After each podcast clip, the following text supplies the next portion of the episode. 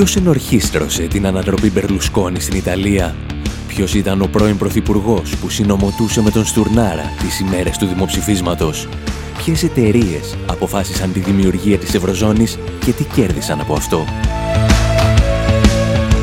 Οι δημιουργοί των ντοκιμαντέρ «Χρεοκρατία», «Καταστρόικα» και «Φασισμός ΑΕ» επιστρέφουν με μια νέα παραγωγή. This is not a coup. Δεν ήταν πραξικόπημα, είναι η Ευρωπαϊκή Ένωση. Μάθε πώς μπορείς να βοηθήσεις και εσύ την ολοκλήρωση του ντοκιμαντέρ στη διεύθυνση infowarproductions.com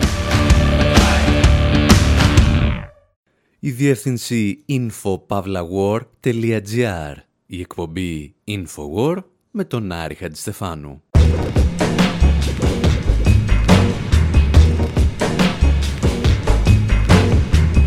Όπου σήμερα με ολίγη καθυστέρηση αναζητούμε την πολιτική καρδιά του David Bowie και την συναντάμε να χτυπά δυνατά έξω από αυτόν.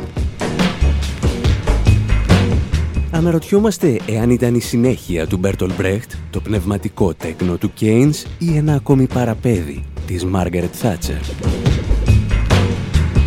αναζητούμε τις συνθήκες που δημιούργησαν έναν από τους σημαντικότερους καλλιτέχνες του 20ου αιώνα και κάνουμε ορισμένες υπερβολικές, αλλά ελπίζουμε όχι παράλογες σκέψεις γι' αυτόν. Τον αφήνουμε να θρυνεί για την Ρόζα Λούξεμπουργκ κοιτώντας το άψυχο σώμα της να βυθίζεται σε ένα ποτάμι. Θύμα και αυτή μιας άρρωστης σοσιαλδημοκρατίας και ύστερα αναθέτουμε στον Μητροπάνο να το ανασύρει με έναν τρόπο που θα έκανε και τον Μπρέχτ να ανατριχιάσει. Λίγο.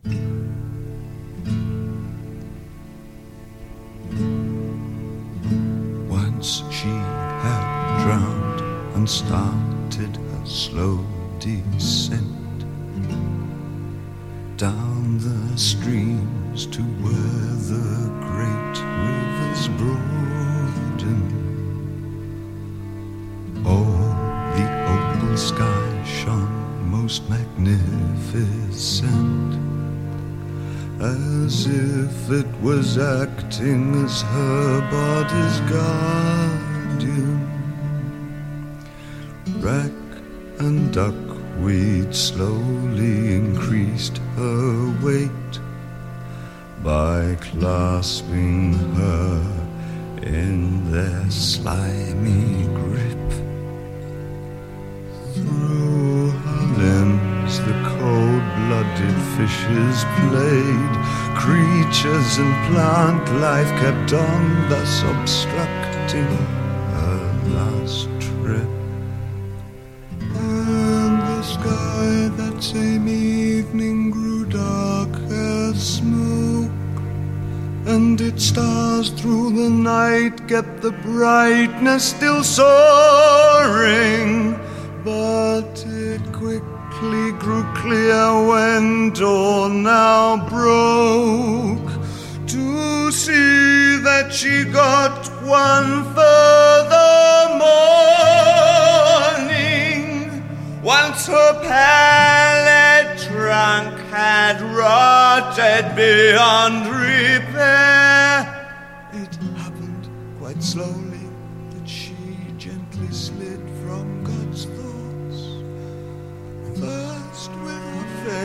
then her hands right at the last with her hair, leaving those corpse-choked rivers just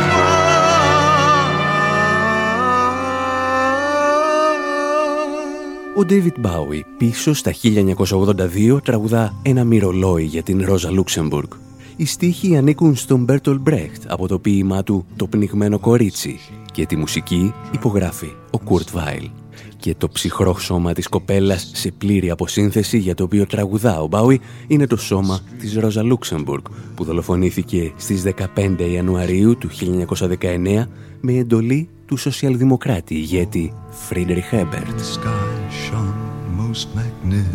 Έκτοτε, όπως γνωρίζετε, δεκάδες σοσιαλδημοκράτες ηγέτες απλώς παπαγαλίζουν τη φράση «σοσιαλισμός ή βαρβαρότητα» που η ίδια έκανε γνωστή σκυλεύοντας περαιτέρω τη μνήμη της. If a woman's hips are ample, then I want her in the hay. Skirt and stocking all a ramble, cheerfully, for that's my way. If the woman bites in pleasure, then I wipe it clean with hay.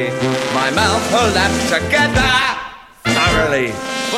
Ο Μπάουι θα εμπλακεί σε αυτή την ιστορία στις αρχές του 1982, όταν το BBC του προσφέρει τον πρωταγωνιστικό ρόλο στην τηλεοπτική μεταφορά του έργου Μπάλ του Μπρέχτ. Αν δεν το έχετε ξανακούσει, ενδέχεται και να σας δικαιολογήσουμε, γιατί ήταν το πρώτο έργο που έγραψε ο Μπρέχτ σε ηλικία 20 ετών και ύστερα το ξέχασε και ο ίδιος για αρκετά χρόνια. Sickened by sun with rainstorms lashing him rotten, a looted wreath crowning his tangled hair. Every moment of his youth, apart from its stream, was forgotten. Gone the roof overhead, but the sky was always there. Στο Μπάλ, ο Μπάουι υποδίεται έναν αντιήρωα, έναν μέθησο ποιητή που εκμεταλλεύεται ανυποψία κοπέλες Τα βάζει με την αστική κοινωνία γύρω του και αυτή τον συνθλίβει.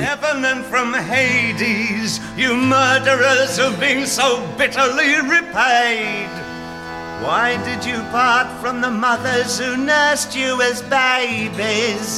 It was peaceful and you slept and there you stayed. Έκτοτε, ο Μπαουί διατηρεί μια μυστική υπόγεια σχέση με τον Μπρέχτ και όταν ζούσε, λέει, στο Βερολίνο, ξυπνούσε κάθε πρωί και σιγομουρμούριζε τραγούδια σαν κι αυτό. And when I was living in my apartment in Berlin, I would sing this at breakfast every morning.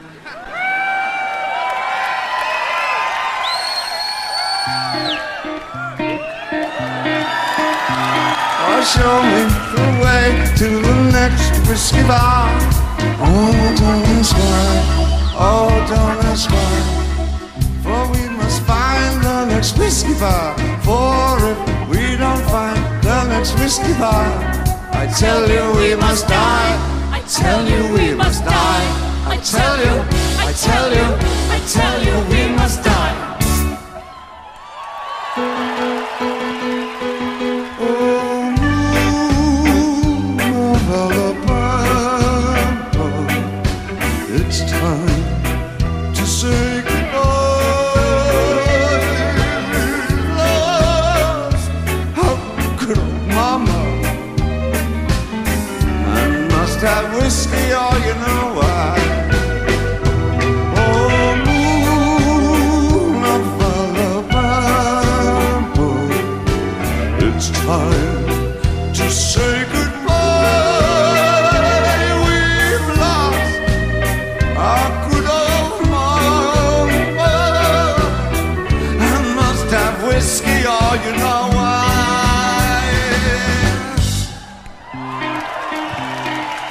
Θεωρητικά κάπου εδώ θα τερματιζόταν η σχέση του Μπάουι με το επικό θέατρο του Μπρέχτ.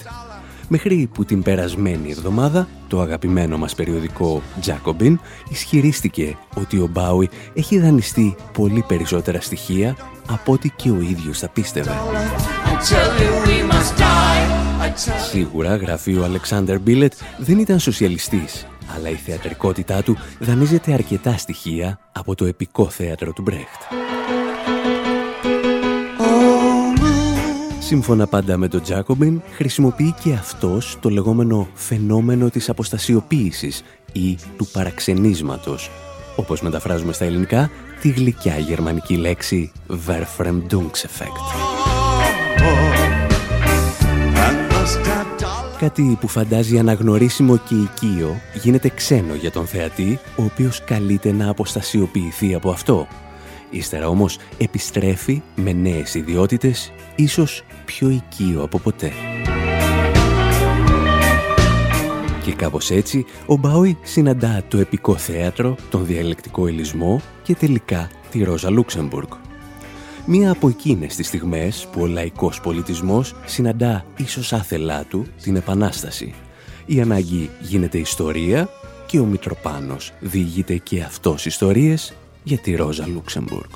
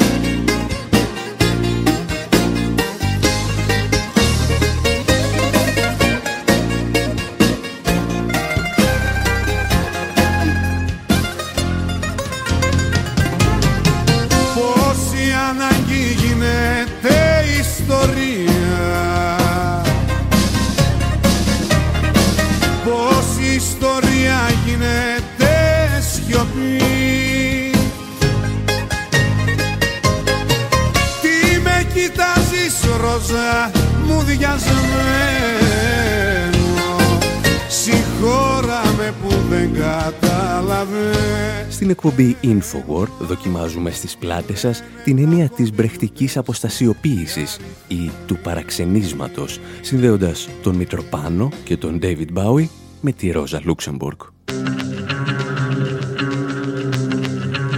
Η αλήθεια βέβαια είναι ότι ο Μπάουι σε πολιτικό επίπεδο είχε τόση σχέση με τον Μπρέχτ και τη Λούξεμπουργκ όσο και ο Μητροπάνος με το διαλεκτικό ελισμό εμείς όμως σήμερα δεν θέλουμε να εξετάσουμε τον Μπάουι που παρήγαγε πολιτική, αλλά την πολιτική που δημιούργησε τον Μπάουι.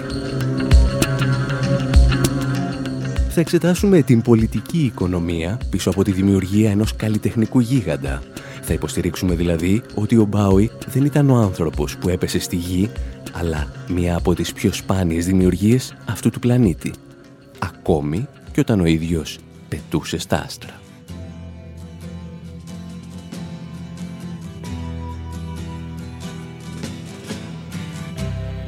Ground control to Major Tom. Ground control to Major Tom. Take your protein pills and put your helmet on. Ground control to Major Tom. Seven, Commencing countdown engines on. Two, check ignition and may God's love be with you.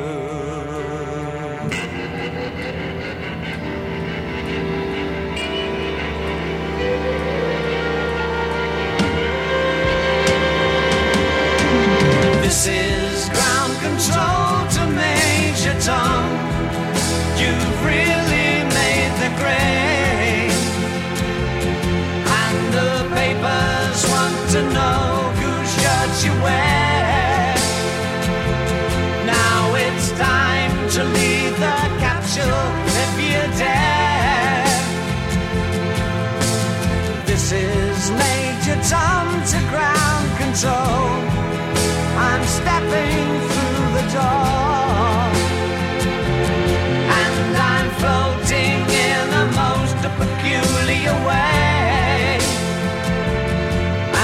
stars look very different today. For here am I sitting in a tin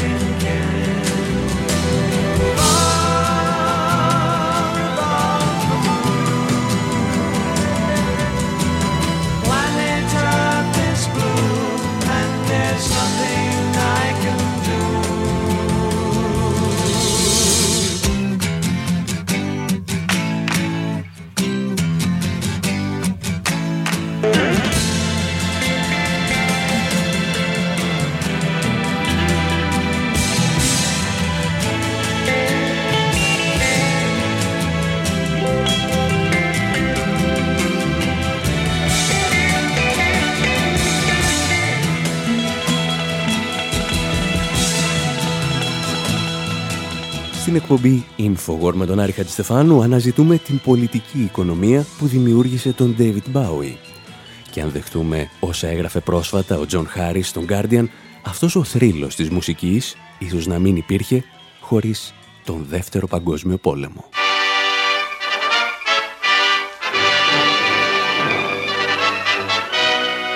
battleship Missouri, 53,000-ton flagship of Admiral Halsey's Third Fleet, becomes the scene of an unforgettable ceremony marking the complete and formal surrender of Japan. Ο Μπάουι θα γεννηθεί μόλις 17 μήνες από την ημέρα που τα αμερικανικά επίκαιρα ανακοινώνουν την άνεφορον παράδοση της Ιαπωνίας στις συμμαχικές δυνάμεις.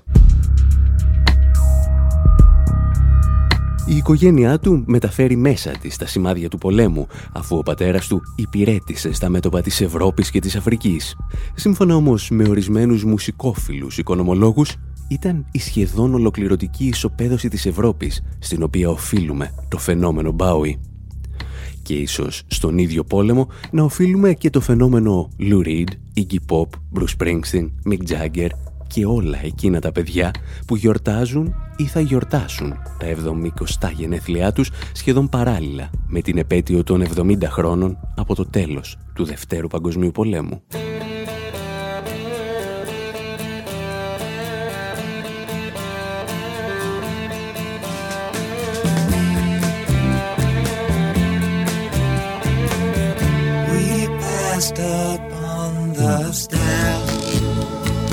Spoke of was and when.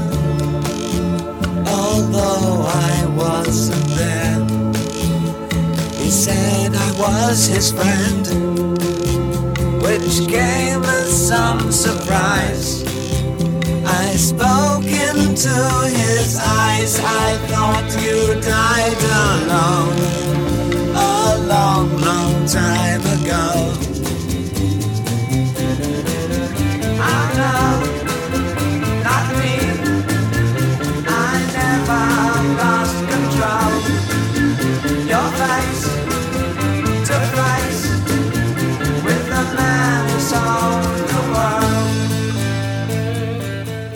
Σε μια εξαιρετική ανάλυση του για την πολιτική οικονομία του Μπάουι, ο οικονομολόγος Will Davis χρησιμοποίησε στοιχεία του περίφημου Τόμα Πικετή για να αποδείξει ότι το 1947, το έτος που γεννήθηκε ο Μπάουι, ήταν η καλύτερη χρονιά στην παγκόσμια ιστορία για να έρθει στον κόσμο. Με το καλημέρα είχες μπροστά σου τρεις δεκαετίες εκρηκτικής οικονομικής ανάπτυξης και ένα πανίσχυρο κράτος πρόνοιας για να στηρίξει τα όνειρα και τις φιλοδοξίες σου. Για 30 χρόνια ήταν σχεδόν βέβαιο ότι θα έβλεπες την αξία των περιουσιακών σου στοιχείων να αυξάνεται μαζί με το μισθό σου και τη σύνταξη των γονιών σου. Το 1977, όταν ο Μπάουι θα φτάσει ίσως στο πιο δημιουργικό σημείο της καριέρας του, η Βρετανία γνωρίζει πλέον τα μικρότερα επίπεδα ανισότητας μεταξύ πλουσίων και φτωχών που έχουν υπάρξει στην ιστορία της. Και πώς μπορεί να επηρεάσει αυτό έναν καλλιτέχνη; Σύμφωνα με τον Will Davis, η αύξηση της ανισότητας μειώνει το καλλιτεχνικό ρίσκο που είναι διατεθειμένος να αναλάβει ένας δημιουργός μένει με τους γονείς του για περισσότερα χρόνια και όταν τους εγκαταλείπει πρέπει να βρει μια δουλειά που απορροφά σχεδόν όλη την ενεργητικότητά του. Αντίθετα, ο Μπάουι πέρασε τα νεανικά του χρόνια σε καλλιτεχνικές σχολές, όπου εμπνευσμένοι δάσκαλοι έφτιαχναν δημιουργικούς ανθρώπους, χωρίς να επιχειρούν να τους συνδέσουν με την αγορά εργασίας. Νεοφιλελεύθερη σκέψη μέσα στην οποία ενηλικιώθηκε και ίσως εκπροσώπησε τελικά ο Μπάουι πρεσβεύει ακριβώς το αντίθετο, ότι η ατομική ανέλυξη, η καινοτομία και η προσαρμοστικότητα ενισχύονται, λέει, με την ανισότητα. Η Βρετανική και η παγκόσμια μουσική σκηνή όμως φαίνεται να διαψεύδουν αυτή την παραδοχή.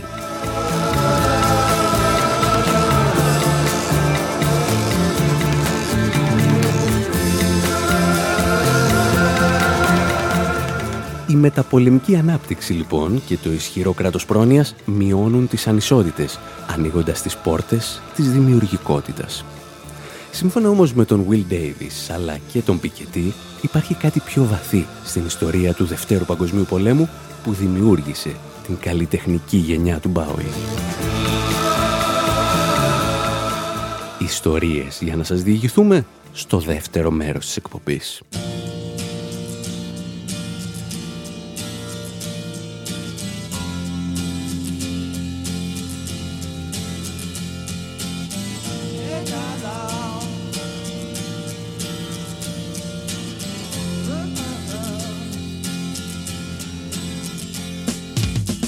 Didn't know what time it was, the lights were low. Oh, oh. I leaned back on my radio. Oh, oh. Some cat was laying down some rock and roll at a solar set.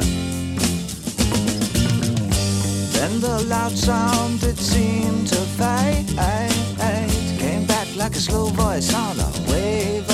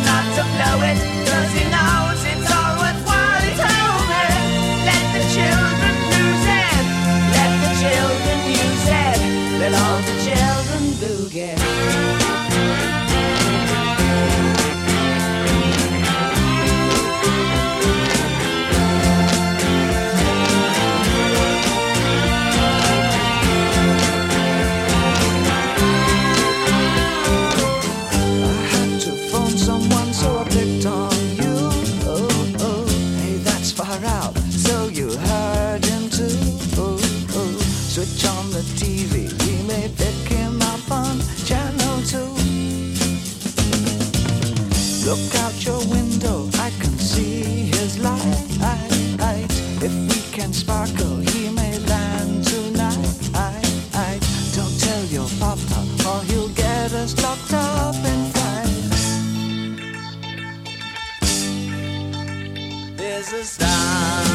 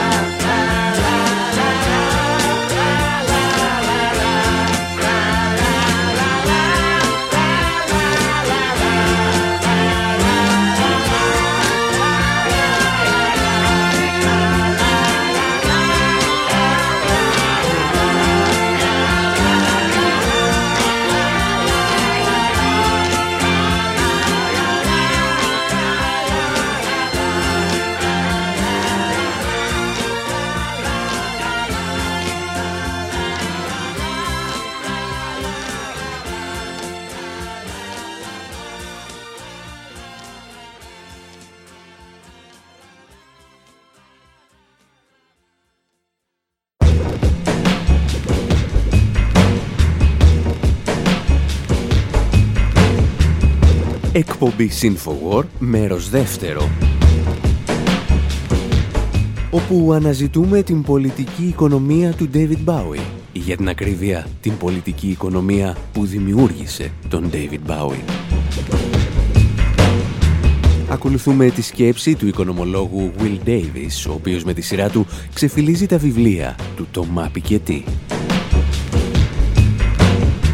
Και οι δύο μαζί μας μιλούν για τις επιπτώσεις του Δευτέρου Παγκοσμίου Πολέμου στην κοινωνία και τον πολιτισμό και μας φέρνουν σιγά σιγά στην Αμερική του Νίξον και την Αγγλία της Θάτσερ.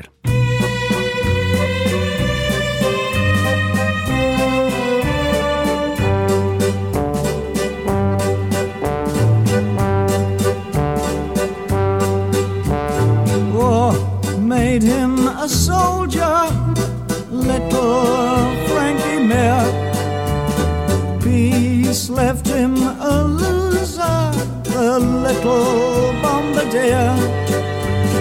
Lines of worry appeared with age, unskilled hands that knew no trade. Spent his time in the picture house, the little bombardier.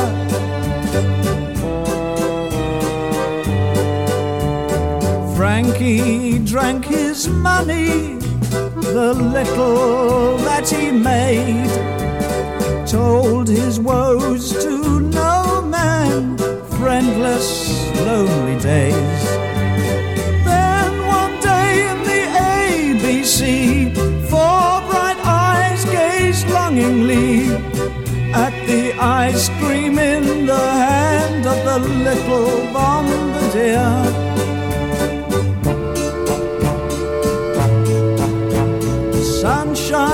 Entered our ah, Frankie's days. Gone his worries, his hopeless maze. His life was fun and his heart was full of joy. Two young children had changed his aims. He gave them toffees and played their games. He bought them presents with every coin he made.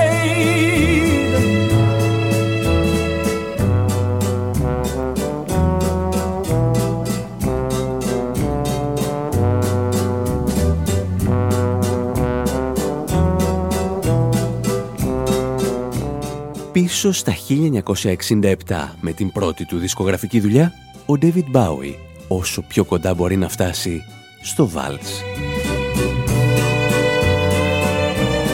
Τραγουδάει για τον Φράνκι Μάερ, έναν χειριστή βομβαρδιστικού, ο οποίος επιστρέφει ήρωας από το Δεύτερο Παγκόσμιο Πόλεμο για να συνειδητοποιήσει ότι είναι ανεπάγγελτος, ψυχολογικά ασταθής και ανίκανος να ενταχθεί πλέον στην κοινωνία. Πίνει τα τελευταία του λεφτά σε ποτά και μια μέρα κατηγορείται για παιδεραστία.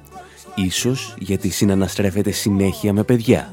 Τους μόνους ανθρώπους με τους οποίους μπορεί ακόμη να συνεννοηθεί. Ο Μπάουι ίσως και να περιγράφει την ολοκληρωτική καταστροφή που προκαλεί ο πόλεμος στην ψυχή ενός ανθρώπου εμείς πάλι υποθέτουμε ότι ήταν αυτός ακριβώς ο δεύτερος μεγάλος πόλεμος στον οποίο οφείλουμε το φαινόμενο Μπάουι.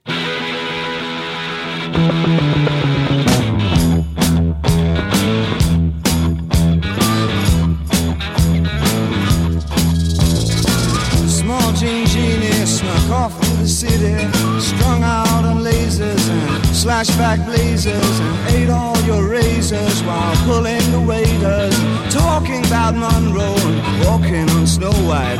New York's a go-go and everything tastes nice. Poor little greenie. Αναζητώντας τις συνθήκες που δημιούργησαν μια γενιά μεγάλων καλλιτεχνών της rock και της pop σκηνής, είδαμε τον οικονομολόγο Will Davis να μιλά για τη μείωση των ανισοτήτων το γεφύρωμα του χάσματος πλουσίων και φτωχών, το οποίο επιτεύχθηκε από το μεταπολεμικό κράτος πρόνοιας. Ο ίδιος πάντως επιμένει ότι βασικός παράγοντας ήταν ο ίδιος ο πόλεμος.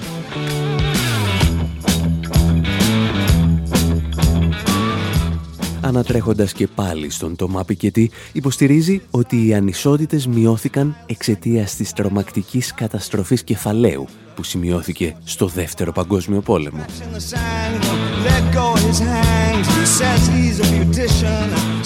Ο Πικετή υποστηρίζει ότι η αύξηση του ιδιωτικού κεφαλαίου έχει σαν αποτέλεσμα το παρελθόν να καταβροχθίζει το μέλλον. Όσο συσσωρεύεται λέει κεφάλαιο, η καινοτομία και η δημιουργικότητα υποχωρούν. Ένα σπίτι δεν έχει πλέον αξία χρήσης, αλλά κυρίως ανταλλακτική αξία. Μαζί του και η εκπαίδευση δεν υπάρχει για να δημιουργεί ολοκληρωμένους ανθρώπους, αλλά μόνο σαν επένδυση που πρέπει να φέρει μελλοντικά κέρδη.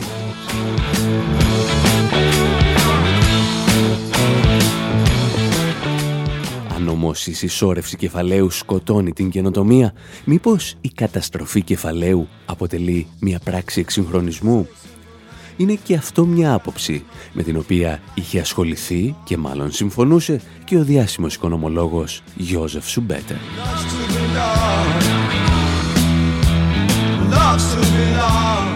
Τι λέτε κι εσείς, David Bowie, μήπως ήσασταν το επαναστατικό αποτέλεσμα της καταστροφής κεφαλαίου που έφερε ο δεύτερος παγκόσμιος πόλεμος;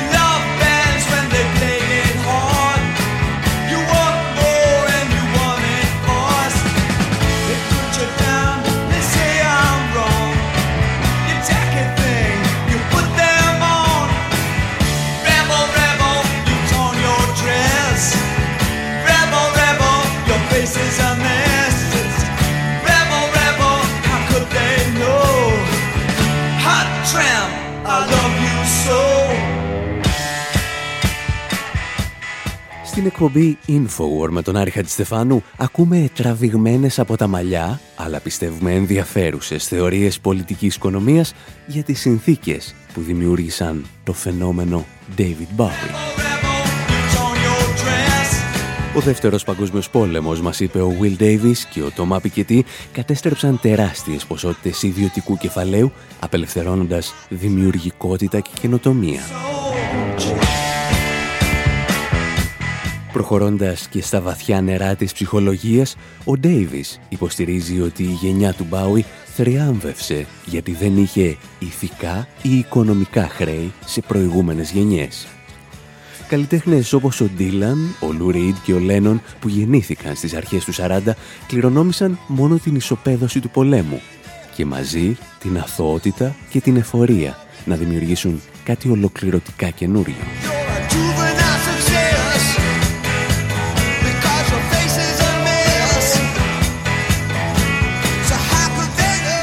Αν και οι ψυχολογικές ερμηνείες της πραγματικότητας μας αφήνουν συνήθως ελαφρώς αδιάφορους, η συγκεκριμένη άποψη μας αφορά για το πώς το χρέος που κληροδοτεί μια γενιά στην επόμενη καταστρέφει κυρίως την επόμενη και όχι αυτήν που το δημιουργεί.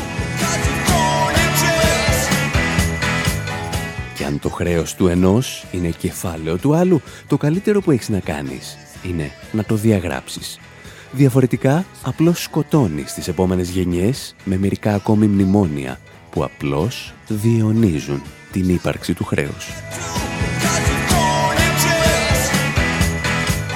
Έχει φτάσει όμως η στιγμή να αφήσουμε τη μεταπολεμική πολιτική οικονομία που δημιούργησε τον Μπάουι και να έρθουμε πιο κοντά στο σήμερα, στα νεοφιλελεύθερα χρόνια που τον σημάδεψαν.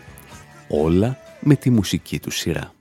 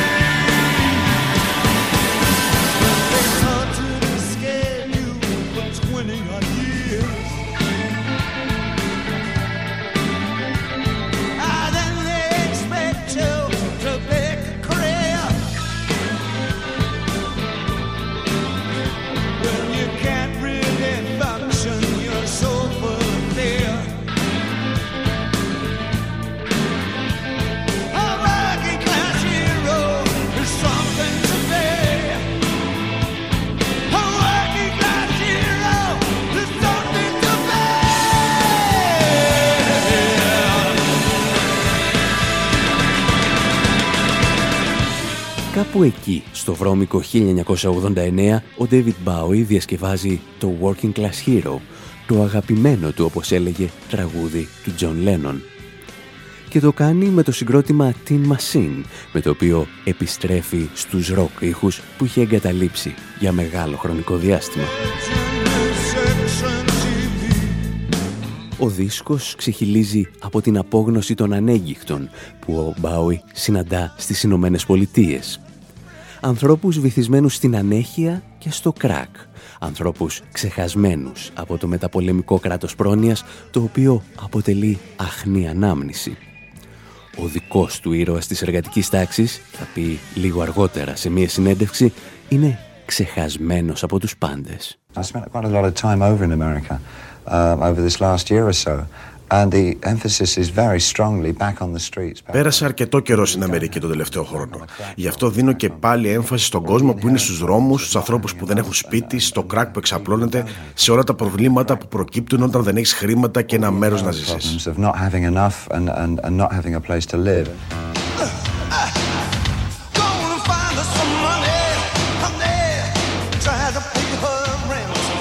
In fact, the dichotomy of an authoritative από τη μία υπάρχει ένα αυταρχικό κράτος που ασχολείται με τις συγκρούσεις ισχύως στη Μέση Ανατολή και με το πώς θα αντιμετωπίσει τους Ρώσους.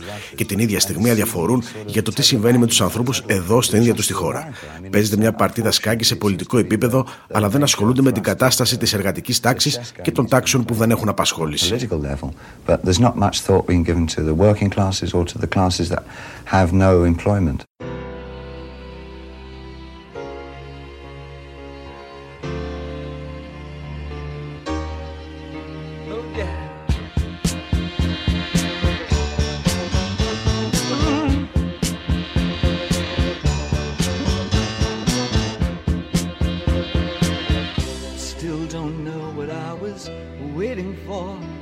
My time was running wild, a million dead end streets. And every time I thought I got it made, it seemed the taste was not so sweet. So I turned myself to face me. But I've never caught a glimpse how the others must see the faker. I'm much too fast to take that test.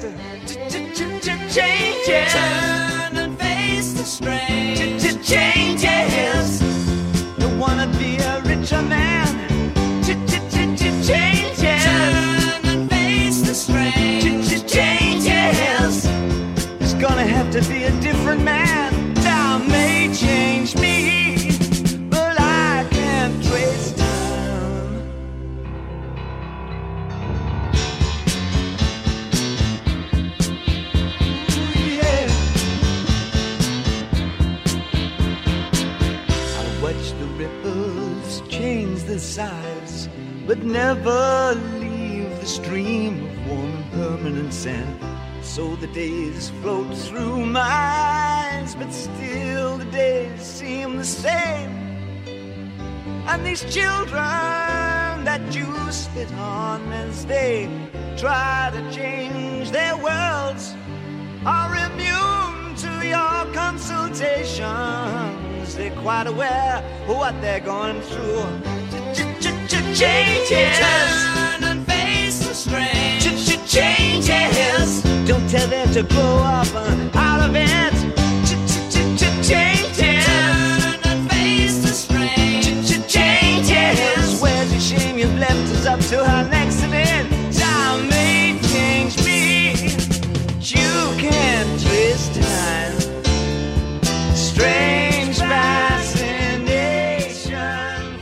το 1989 ο Μπάουι τραγουδούσε για τους απόκληρους του αμερικανικού ονείρου που βυθίζονται στο κράκ, πίσω στα 1971 ονειρευόταν ακόμη την αλλαγή και τραγουδούσε για παιδιά που ήθελαν να αλλάξουν τον κόσμο.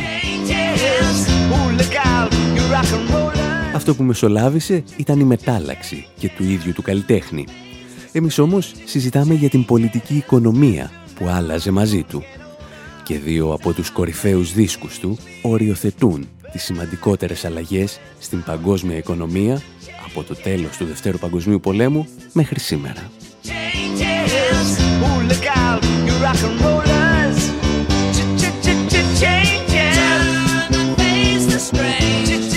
Το τραγούδι Changes που ακούμε περιλαμβάνεται στο άλμπουμ Hanky Dory θα κυκλοφορήσει το 1971, τη χρονιά που καταραίει η παγκόσμια οικονομική αρχιτεκτονική που είχε δημιουργηθεί μετά τον πόλεμο. Είναι η χρονιά που ο πρόεδρος Νίξον κηρύσσει το τέλος των συμφωνιών του Bretton Woods, αποδεσμεύοντας την ισοτιμία του δολαρίου από τα αποθέματα χρυσού των Ηνωμένων Πολιτειών. The strength of a nation's currency is based on the strength of that nation's economy. Η ισχύ του εθνικού νομίσματος στηρίζεται στην ισχύ της οικονομίας της συγκεκριμένης χώρας. Η αμερικανική οικονομία είναι με διαφορά ισχυρότερη σε όλο τον κόσμο. Διέταξε τον Υπουργό Οικονομικών να λάβει όλα τα απαραίτητα μέτρα για να προστατεύσει το δολάριο από τις επιθέσεις των κερδοσκόπων. Τον διέταξε να διακόψει προσωρινά τη μετατρεψιμότητα του δολαρίου σε χρυσό ή άλλα αποθεματικά.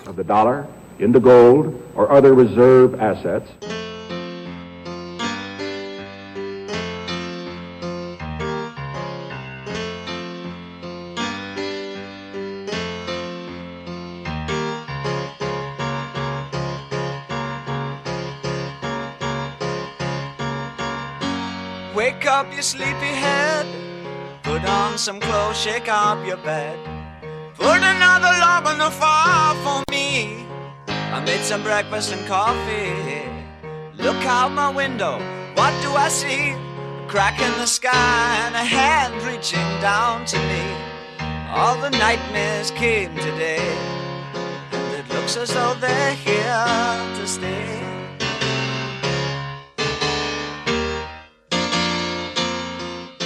Ο Μπάουι προμαντεύει τους εφιάλτες που ήρθαν, όπως λέει, για να μείνουν και ο Ρίτσαρντ Νίξον κηρύσσει το τέλος του μεταπολεμικού πάρτι στην παγκόσμια οικονομία. Διακόπτοντας την μετατρεψιμότητα του εθνικού νομίσματος σε χρυσό, ο Νίξον αναγνωρίζει ότι ο βασιλιάς δολάριο είναι γυμνός.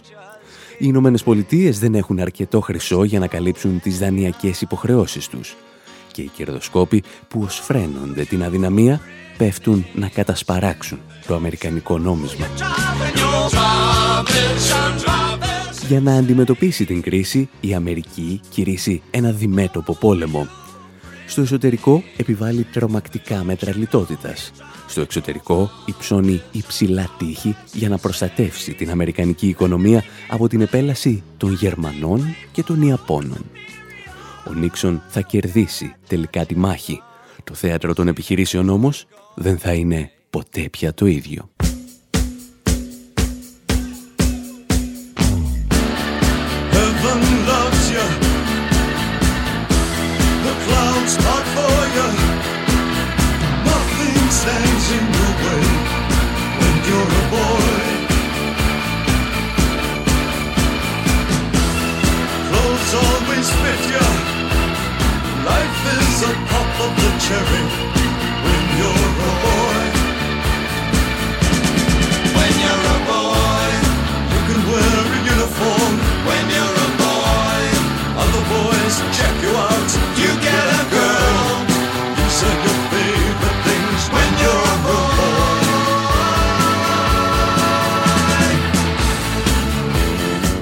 Όταν ο Μπάουι θα κυκλοφορήσει το 1979 το άλμπουμ Lodger, που σύμφωνα με αρκετούς κριτικούς οριοθετεί τα πιο δημιουργικά του χρόνια, η παγκόσμια οικονομική τάξη πραγμάτων έχει αλλάξει για πάντα. Είναι η χρονιά που έρχεται στην εξουσία η Μάργαρετ Θάτσερ και μαζί της ο νεοφιλελευθερισμός επελάβνει στην Ευρώπη. Οι οικονομικές ελίτ έχουν ξεχάσει από καιρό το όραμα της πραγματικής ανάπτυξης και απλώς φτιασιδώνονται για να κρύψουν τα δομικά προβλήματα του κυρίαρχου οικονομικού συστήματος. Όπως θα έλεγε παλαιότερα και ο Γιάννης Αγγελάκας, γριά πουτάνα που ξυρίζει τα πόδια της.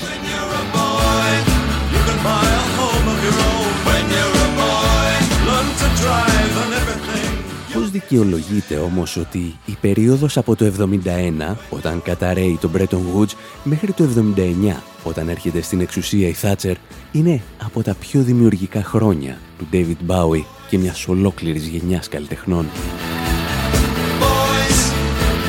Ίσως η απάντηση να βρίσκεται στην αδράνεια. Η δεκαετία του 70, όπως εξηγήσαμε, προσφέρει σε αρκετές χώρες τα χαμηλότερα ποσοστά ανισότητας που γνώρισαν στην ιστορία τους.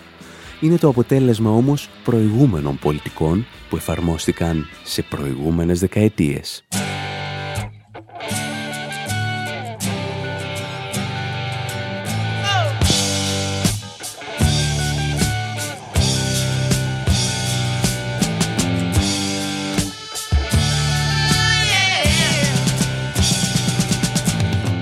Στην εκπομπή Infowar περάσαμε μία ώρα αναζητώντας την πολιτική οικονομία που δημιούργησε έναν από τους μεγαλύτερους καλλιτέχνες του 20ου αιώνα.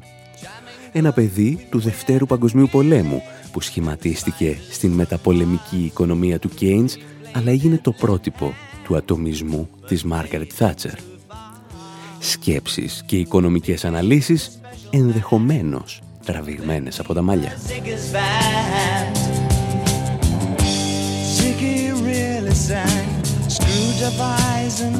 Κάπου εδώ όμως λέμε να σας αφήσουμε και για αυτή την εβδομάδα.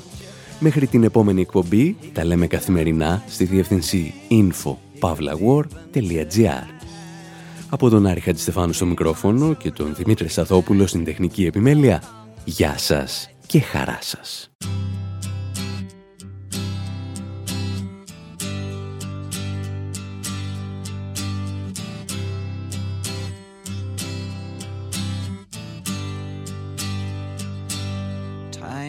Takes a cigarette, puts it in your mouth. You pull on your finger, then another finger, then cigarette. The water wall is calling, it lingers, then you forget. Oh, oh, oh. Oh, you're a rock and roll suicide. Too old to lose it, too young to choose it. And the clock waits so patiently on your song. You walk past the cafe, but you don't eat when you've lived too long. Oh no, no, no, you're a rock and roll suicide. Shift breaks the snarling as you stumble across the road. But the day breaks instead, so you hurry home. Don't let the sun blast your shadow. Don't let the milk float rob your mind. They're so natural, religiously unkind.